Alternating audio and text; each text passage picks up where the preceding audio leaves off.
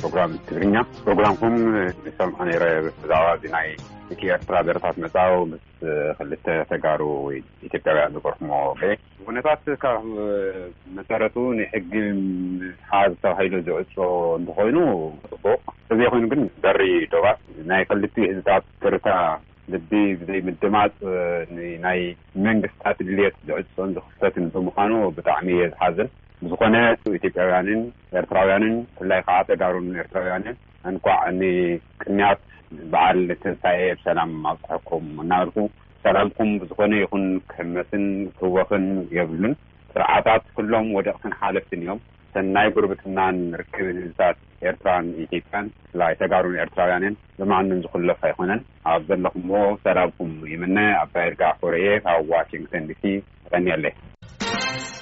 ካብ ወዲ ብዓሬና ሓደ ሰብ እኳ ብፖሊስ እንተተሓቲቱ ተቕርብዎ ከም ዜና ብኣሽሓት ዝቑጸር ኣብ ዝተፈላለየ ክፍሊ ዓለም ዝርከብ ኤርትራዊ ይኣክል እንዳበለ ግን ድምጹ ዓፊንኩም እቲ ዘገርም ድማ ኣንጻር ኣቦና ኣቡነ ኣንጦንዮስ ሓብሬታ ኣመሓላሊፍኩም ከተብቅዑ ባዕሎም እቶም ኣቡን እቲ ሓቂ ድምጾም ምስ ኣስምዑ ዘመሓላለፍኩሞ ፕሮግራም ይቕሬታ ሓቲትኩም እቲ ሓቂ ከተቕርቡ ተጸቢና ግን ኣይኮነን። ወድሓንኩም ሰሜን ኣመሪካ ብርሃነ ተወልደ።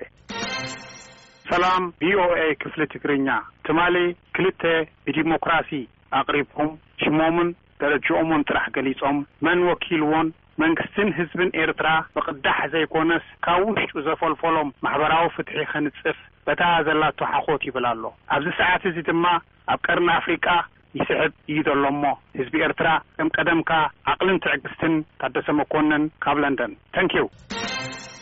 ሄሎ መደብ ቪኦኤ ን ምንቅስቃስ ንለውጢ ኣብ ዓድና እዚኦም ናይ ሰባዓ ሰረት ኣሕሳስባ ዘለዎም፣ ካብ ናትና ናይ ፊቸር ዝሓስብ ፊጅን ዘለዎ ፖልቲካ ክርሕቁ ብትሕትና ንሕተት። እዚኦም ሰባት ኣብ መንጎና ኣትዮም ከባላሽውዎ ይፍትኑ ኣለው። ስለዚ በጃኻትኩም የሕዋት እንመርጾም ሰባት ብዕድመ ካብ ሰላሳ ክሓልፍ የብሉን። ሃይማኖቱ ኣብ ድላዩ ድኣምን ይኹን ጥራይ ንምዕባለን ብልጽግናን ኣተሓሳስባ ዘለዎ ሰብ ክኸውን ኣለዎ።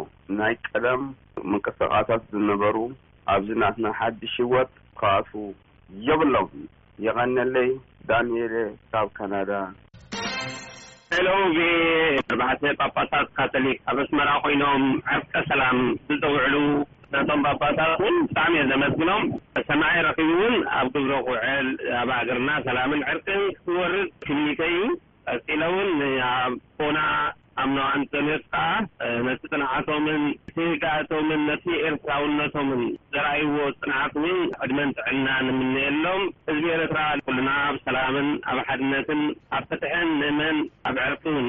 ዕርቂ እንድሕር ጌርና ጥራይ ዩ ኣብ ዓድና ሰላም ክወርድ ዝኽእል። ሜሮን ስዩም ኣብ ሲያትል ኣቀንየለይ።